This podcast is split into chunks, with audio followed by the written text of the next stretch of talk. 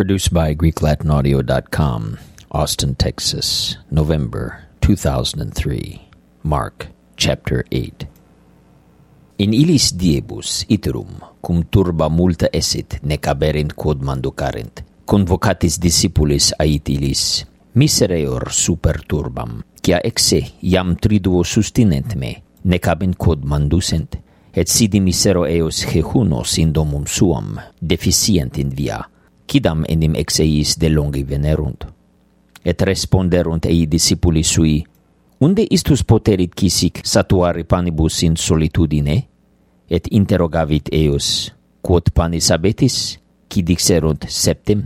Et precepit turbe discumbere supra terram, et accipient septim panis gratias agens frecit, et dabat discipulis suis, ut ad ponerent, et ad posuerent turbe et abebant pisiculus paucus, et ipsos benedixit et husit ad poni, et manducaverunt, et saturati sunt, et sustulerunt quod superavera de fragmentis septim sportas, erant autem qui manducaverunt, quasi quatuor milia, et dimisit eus, et statim ascendens navem cum discipulis suis venit in partis Dalmanuta, et exierunt farisei, et seperunt concireri cum eu, gerentis ab illo signum de celo temptantis eum et ingemes in spiritu ait quid generatio ista cerit signum? Amen dico vobis sid abitur generationi isti signum. Et dimittens eos ascendens iterum abi transfretum. Et obliti sunt sumere panis et nisi unum panem non habebant secum in navi et precipiebat eis dicens videte cavete a fermento fariseorum et fermento erodis et cogitabant ad alterutrum dissentis, Cie panis non abemus? Quo cognito Jesus ait illis? quid cogitatis cia panis non abetis? Non dum cognoscitis nec intelegitis? Adhuc secatum abetis cor vestrum? Oculus abentis non videtis, et auris abentis non auditis, nec recordamini quando cinque pannis frehi in cinque milia? Quod cofinos fragmentorum plenos sustulistis?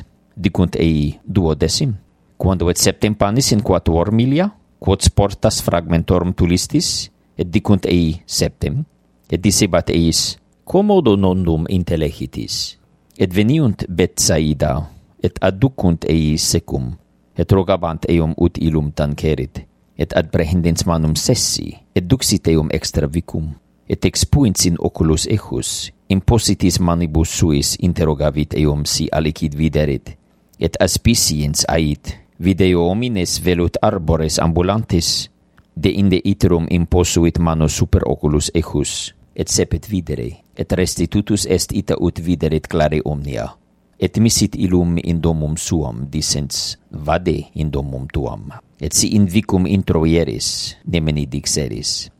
Et egressus est Jesus, et discipuli ejus in castella Caesari Philippi, et in via interrogabat discipulos suos dicens eis, che dicunt esse hominis, qui responderunt ili dissentis, Juanem Baptistam, alii Eliam, alii vero quasi unum de profetis, tunc dicit ilis, vos vero, chemi disitis esse?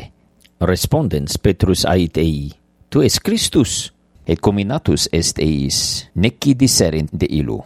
Et sepet docere ilus, quoniam oportet filium hominis multa pati, et reprobari a senioribus, et assumi sacerdotibus, et scribis, et oxidi, et post tres dies resurgere, et palam verbum locebatur, et adprehendens eum Petrus sepet increpare eum, qui conversus et videns discipulos suus cominatus est Petro dicens vade retro me satana quoniam non sapis qui dei sunt sed qui sunt hominum et convocata turba cum discipulis suis dixit eis Sicis vult post me secci, denegit se ipsum, et tolat crucem suam, et sequatur me. Qui enim voluerit animam suam salvam facere, perdet eam. Qui autim perdiderit animam suam propter me et evangelium salvam eam faciet. Quid enim proderit homini, si lucretor mundum totum, et detrimentum faciet anime sui. Aut cid dabitum commutationem pro anima sua, qui enim me confusus fueret, et mea verba in generatione ista, adultera et peccatrice, et filius hominis confundet reum, cum venerit in gloria Patris sui, cum angelis sanctis.